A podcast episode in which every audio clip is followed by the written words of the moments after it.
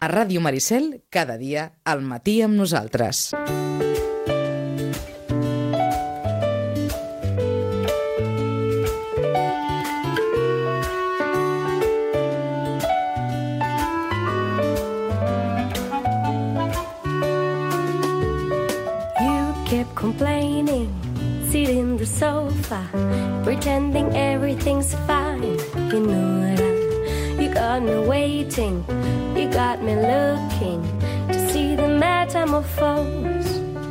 Les 10 i 4 minuts és hora de menjar sa. Dragon save a princess, no need to do all that. Be a bit curious, travel El nostre espai quinzenal dedicat als hàbits saludables, a tot el món de la nutrició i que fem en companyia del nutricionista Jaume Jiménez de Nutritional Coaching. Molt bon dia, Jaume, què tal? Benvingut. Hola, bon dia, què tal? I avui parlarem d'un tema que, diguem que en el món del, del nutricionisme, no? en el món entre els nutricionistes, darrerament està com molt... Amb, no? Se'n parla, se'n parla molt Sí. i hi ha com un moviment, d'alguna manera, eh, entorn al que és la matriu alimentària. Clar, ara diran vostès, i què és això de la matriu alimentària?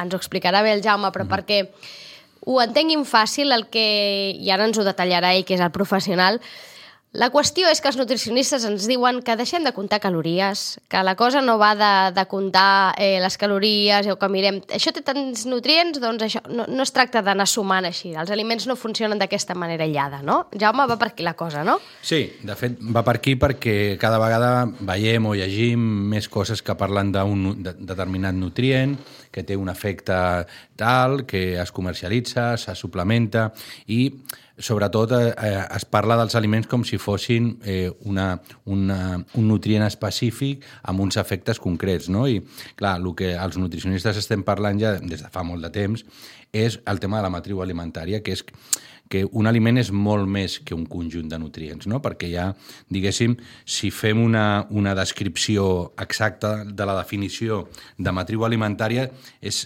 la relació que hi ha entre els nutrients i no nutrients, perquè a l'aliment no tots són nutrients, i les seves relacions moleculars. Això fa que un aliment, eh, per exemple, el greix de la llet, en forma de mantega, pugui augmentar el colesterol de manera molt important i la mateixa quantitat de greix en forma de iogurt, làctics, eh, perdó, llet o formatge no elevi tant el nivell de colesterol. Per tant, és important que tinguem en compte això perquè a vegades es, es fica dintre del mateix sac tot i es diu, no, és que uh, la llet porta greix, puja el colesterol, quan no és exactament així. O sigui, els aliments, els nutrients eh, i no nutrients sempre actuen en sinergia, es potencien uns als altres i poden tenir efectes radicalment diferents. Per tant, es tracta de no mirar els aliments i els seus nutri nutrients de manera aïllada, no? sinó com un tot, no? com un tot, de, com, un, com un conjunt, no? que d'alguna manera, i eh, a partir d'aquí eh, veure què és el que ens va bé o no, no ens va bé, perquè entenc que pel que expliqueu això,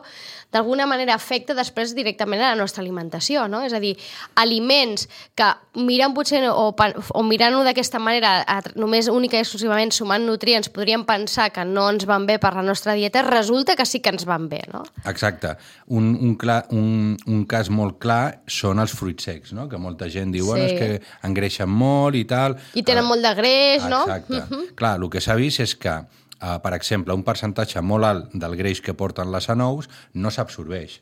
O sigui, per tant, per, eh, tot i que portin molt de greix, no s'absorbeix del tot. I a part d'això, quan prenem a, a nous, es, poden, es redueix d'una manera significativa el risc de malaltia cardiovascular i inclús pot ajudar a prevenir determinats tipus de càncer. Clar, si nosaltres utilitzem aquest greix eh, sol, no té el mateix impacte sobre la salut. Per Clar. tant, hem, hem, de, hem de parlar ja d'aliments i no tant de nutrients aïllats. Mhm. Per D'això tant, es tracta. si, hagués, si miréssim les anous única i exclusivament per la quantitat de greix, pensaríem, oh, és un aliment poc saludable, no? Però d'altra banda ja està demostrat, això, òbviament ho diu el Jaume, que és un professional, però ho diu en base a estudis, eh? és a dir, Mhm. aquestes dades entorn les anous, per exemple, eh, eh, són, estan estudiades d'alguna manera científicament, eh? És a dir, per tant, d'alguna manera està tot com... No, I no sé, Jaume, si la tendència tendència igualment, és a dir, aquesta tendència, que és veritat que des de fa ja uns anys molts nutricionistes ja esteu com, en parleu d'ella, si està costant i si costa, si encara tenim com una mica, eh, en general, la població com aquest mal costum, no?, mm. d'anar sumant, no?, i anar comptant, com si dos més... És una mica el que expliqueu és que en aquest cas dos més dos no són quatre, no? Exacte. De fet, l'altre dia jo veia un vídeo de...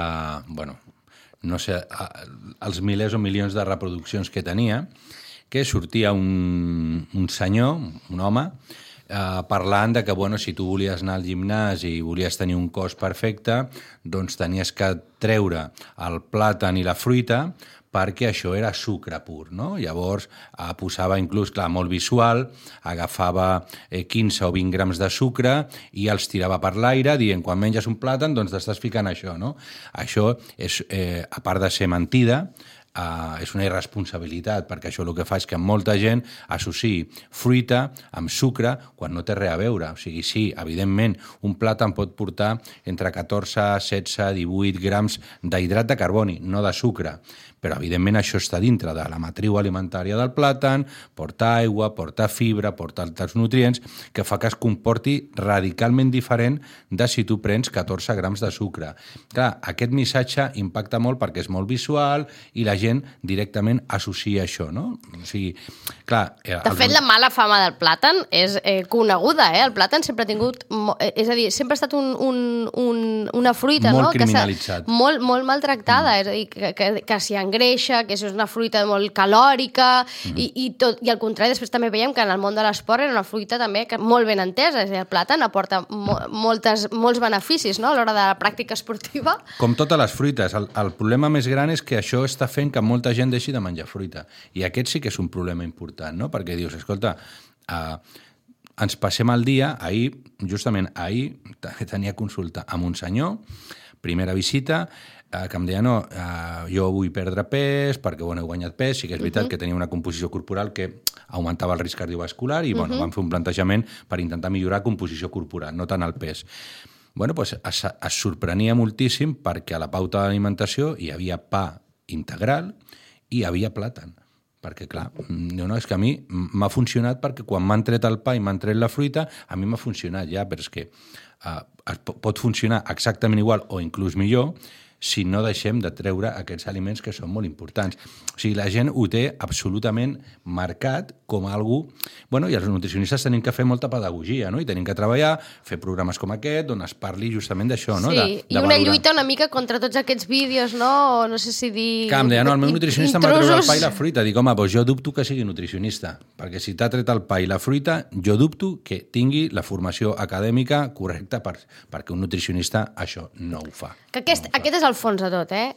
que quan vagin a fer consulta a, a, de temes d'alimentació i de nutrició, sobretot, sobretot, em, que garanteixin que la persona que els atendrà és una persona formada en la matèria, perquè és un món que doncs, em, té també molta tirada de màrqueting que ven molt perquè hi ha aquesta cosa de que tots ens volem veure bé i aquí hi ha molt d'intrus Ah. i no necessàriament eh, sempre doncs, el, que el que recomanen és saludable i a més enllà de que funcioni no, és un tema de que pot afectar la salut eh? aleshores per tant sobretot això és com quan un va al metge, és que de fet és, és sector sanitari, això també. És, eh, ha, ha de veure que, Exacte. que el professional sigui professional, no? O sigui, igual que no ens deixem que el dentista ens toqui ningú, doncs mm, els aliments o la, nostra pauta Exacte. nutricional també hauria d'estar d'alguna manera guiada per algun professional. No? Inclús eh, s'ha de demanar la, quina formació té aquell professional, o sigui, es- estan com a client en el nostre dret de demanar si té la formació i si està registrat, o sigui, demanar la legalitat, perquè aquests missatges són realment eh, molt perjudicials per per la població, per lo que diem, no? perquè estan deixant de menjar això o menjar l'altre perquè es criminalitza un ingredient. El greix saturat, per exemple, no? Clar, el greix saturat és dolent, el greix saturat? Doncs depèn. Depèn, perquè si jo me'l prenc amb un producte làctic, s'ha vist que no és tan, eh, tan dolent ni molt menys que si me'l prenc amb un altre eh, producte ultraprocessat, per exemple. Per tant, eh, no criminalitzem aliments i hem d'anar una mica a menjar aliments més naturals, o sigui, aliments com es troben a la natura, Clar, quina vara? Perquè, clar, tot això que expliques, no sé, d'alguna manera, si ens dificulta eh, la vida, diguem, els que no en sabem de la matèria, no? Perquè mm. entenc que, aleshores, no ens hem de fixar tant en el que posi l'etiqueta, en, els en si té tants nutrients o el que sigui, de què està composat allò. Entenc que no es tracta Mm. tant d'això. No. I, i sobretot aliments, llet amb omega-3, per exemple, no? o, o ous amb omega-3. Bueno, escolta, estem... Per una banda es criminalitzen certs nutrients i per una altra banda se li donen una, una sèrie d'avantatges amb uns altres que no té res a veure. Clar, la gent que pren eh, llet amb omega-3, per cobrir la quantitat d'omega-3 que el cos necessita, tindries que prendre 20 o 30 litres. O sigui, és, és, és una mentida absoluta. Estem gastant diners sense, sense necessitat.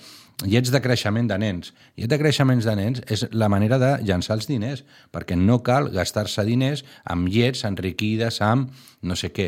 Hem de fer una alimentació més natural i d'aquesta manera tindrem absolutament tot, no cal gastar diners. No? Clar, perquè la pregunta és si realment això funcionés així, és a dir, si dos més dos fos, fos quatre en nutrició i realment això funcionés així, entenc que aleshores també ens podríem alimentar gairebé a base de pastilles, no? És a dir, unes pastilles que, mm, que eh, equivalessin no? a tants nutrients, tant no sé què, i tu ja saps que aquí, pim-pam, ho tindries fet. Mira, això, un, un clar exemple, és un estudi que es va fer ja, ja té alguns anys sobre els betacarotens, d'acord? Sí. Els betacarotens són aquests pigments de color taronja que podem trobar principalment en productes d'origen vegetal, no? Pues es, va, es, es va veure que realment podien tenir un efecte molt antioxidant i podrien ajudar a prevendre, a previndre algun tipus de càncer, no? Es va fer un estudi gran eh, donant betacarotè, perquè els carotens són una família molt àmplia. Uh -huh. Alfa-carotens, eh, eh, zeaxantina, o sigui, molts, no? Uh -huh. Alguns es poden transformar en vitamina A i altres no. El betacarotè sí que té aquesta capacitat. Llavors, es va fer un estudi i es va donar a una població de gent betacarotens. Què va passar? Que van tenir que aturar l'estudi perquè veien que la gent que estava prenent betacaroten de manera, eh, eh, diguéssim... No a través del de l'aliment, no? Exacte, uh -huh. desenvolupava més càncer de pulmó. O sigui, un producte, una substància potent, molt bona, dintre de l'aliment té un efecte, però quan l'aïllem i la donem té un efecte radicalment diferent. Per això hem de tenir en compte que hem de prendre els nutrients en la seva forma natural. I aquesta és en forma d'aliments, per exemple, si fem carbassa, si fem pastanagues, si fem tomàquet, si fem... Tot això no té res a veure amb prendre només el carotè que porta un producte. I si ho fem això, estarem perfectament nutrits i estarem eh, fent una alimentació molt més saludable. Uh -huh. I no gastar diners amb suplements. Perquè és que inclús, fixa't, Uh, quan, quan ve un pacient a consulta i et diu escolta, jo és que em prenc un complex vitamínic que ho té tot. Ho té A tot. partir de certa edat apareixen eh, els complements vitamínics, els suplements... I dius, doncs mira, si ho té tot, jo no me'l prenc. Per què? Perquè, evidentment, hi ha components que entre ells eh, interaccionen i fan que no s'absorbeixi. O sigui, per exemple, el calci amb el senc, o sigui, hi ha diferents. Clar, dius, no, és que jo em compro un complex vitamínic que ho porta tot. Inclús in, en suplements, el, la barreja no dona més, o sigui, no dona més potencialitat, o sigui, s'ha de prendre els nutrients. Si tu, arribat al cas que tinguessis que prendre un suplement, que a vegades cal, has d'agafar un suplement que realment tingui una bona biodisponibilitat, no que interaccioni. Clar, la gent ho té tot, doncs aquest és boníssim. Home, no. és que a més ens els posen a l'abast, eh? En aquests moments, fins i tot als supermercats hi ha suplementació. I a Ah, més arriba a certa edat, mm, eh, i ara parlo en el cas de les dones perquè és el que veig jo, no? A partir de certa edat ja Mm. t'arriben missatges de tot tipus de necessites col·lagen, necessites no sé què, no sé què, Ah. un munt de, de suplements, no? Exacte. Que, clar, entenc que això entenc que pot haver casos en què es necessitin, però és perquè hi ha, un, o per, per qüestions eh, personals de la persona, però que si un té, porta una alimentació correcta, no és necessària aquesta suplementació. No, no caldria. Una altra cosa és que realment mantenir diàriament una alimentació molt correcta És difícil. requereix consciència i fer-ho bé. Per què? Perquè ens bombardegen absolutament amb missatges de tot i és difícil. Jo, jo entenc que, que pot ser difícil, però si tenim en compte Uh, si no ho sabem fer, demanar assessorament, però sobretot buscar aliments que es trobin a la seva forma natural, els cuinem nosaltres, els preparem nosaltres. Segurament d'aquesta forma estarem molt a prop de fer-ho molt i molt bé. Uh -huh. Per tant, hem de, hem de tenir cura dels missatges que rebem i sobretot perquè, bueno, això, aquí el màrqueting és brutal. De fet, ara, ara està en boga que, que la indústria està aconseguint treure uh -huh. la, els missatges dels aliments per nens, no? O sigui, Estem parlant de que hi ha molts interessos econòmics, però evidentment la cura dels nens ha de ser, per mi, una prioritat absoluta perquè s'estan establint hàbits i, home, eh, escoltava la notícia abans, de, el programa abans Sí. de- abans d'aquest, de les hores de pantalla, Sí. Bueno, doncs ara la, tota la indústria alimentària està utilitzant molt aquest tipus de plataforma. Ja no és te, televisió, evidentment, premsa també, però estan utilitzant molt totes aquestes vies de YouTube, xarxes socials, per ficar el producte. Clar, hem de tenir en compte que... que Que majoritàriament és un producte insà, eh? És a dir, no, no promocionen pomes ni... Ah, exacte. ni fruita. afortunadament, afortunadament sí que és veritat que està canviant una mica i ara ja és fàcil veure algun anunci de llegum a la tele, ja és fàcil veure Cert. Alguna por... Però mira, l'altre dia vaig veure un anunci de llegum i em va sobtar. Sí, sí, sí. Em va sobtar. Sí. Vaig dir, caram, un anunci de llegums. Sí. I em va sobtar. I, I unes pomes també, que crec que són unes Pink Lady o alguna així. Sí, Bueno, les Pink Ladies, sí, sí. Bueno, doncs com, algú està canviant realment, no? Hi ha, hi ha més consciència i la gent, doncs, bueno, evidentment, hem d'anar cap aquí, perquè al final hem de tenir en compte una cosa. La indústria el que vol fer és vendre. La indústria vol vendre. I si el, i si el client demana un tipus de producte, la indústria ho farà.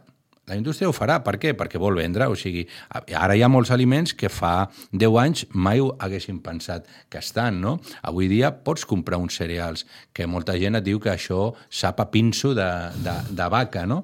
bueno, perquè és un producte molt integral.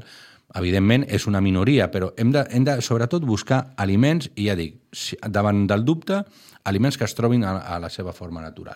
D'aquesta manera ho estarem fent molt bé. Per tant, tot allò que està, d'alguna manera, que té molt intervingut per la- per l'ésser humà, ah. dubtin. I entenc també, Jaume, que hem de dubtar de tots aquests productes que cada vegada hi ha més, perquè són reclams publicitaris i reclams de venda de ric en, és a dir, tots aquests productes, abans parlaves de la llet, no? Llet rica en omega-3, mm. eh, eh, no sé què, ric en no sé, en no sé què, és a dir, en vitamina no sé quantos. Tot això entenc que hem d'adoptar, no? És a dir, que si, si, si el que algú vol, algú pensa que el seu omega-3, pel que sigui, o li han dit que l'omega-3 el té fluixet, entenc que potser el que ha d'augmentar és el consum de peix blau, no ho sé. Clar, hem arribat a un punt de, de, de, de bogeria tan absoluta que, que pots trobar un vino i que et posi a l'etiqueta Sí, sí. vegano, no? I dius, mm, hi ha algun vi que sigui animal? O sigui, eh, una llauna de tonyina mm, rico en omega-3, evidentment, perquè és consubstancial al producte.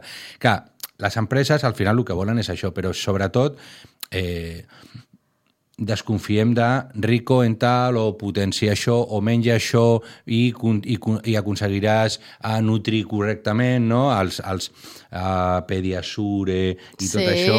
L'altre dia, bueno, amb uns pares a- al, al, al futbol del meu fill, no, és que jo, jo crec que el millor és donar el Pediasure perquè ara està creixent i tal.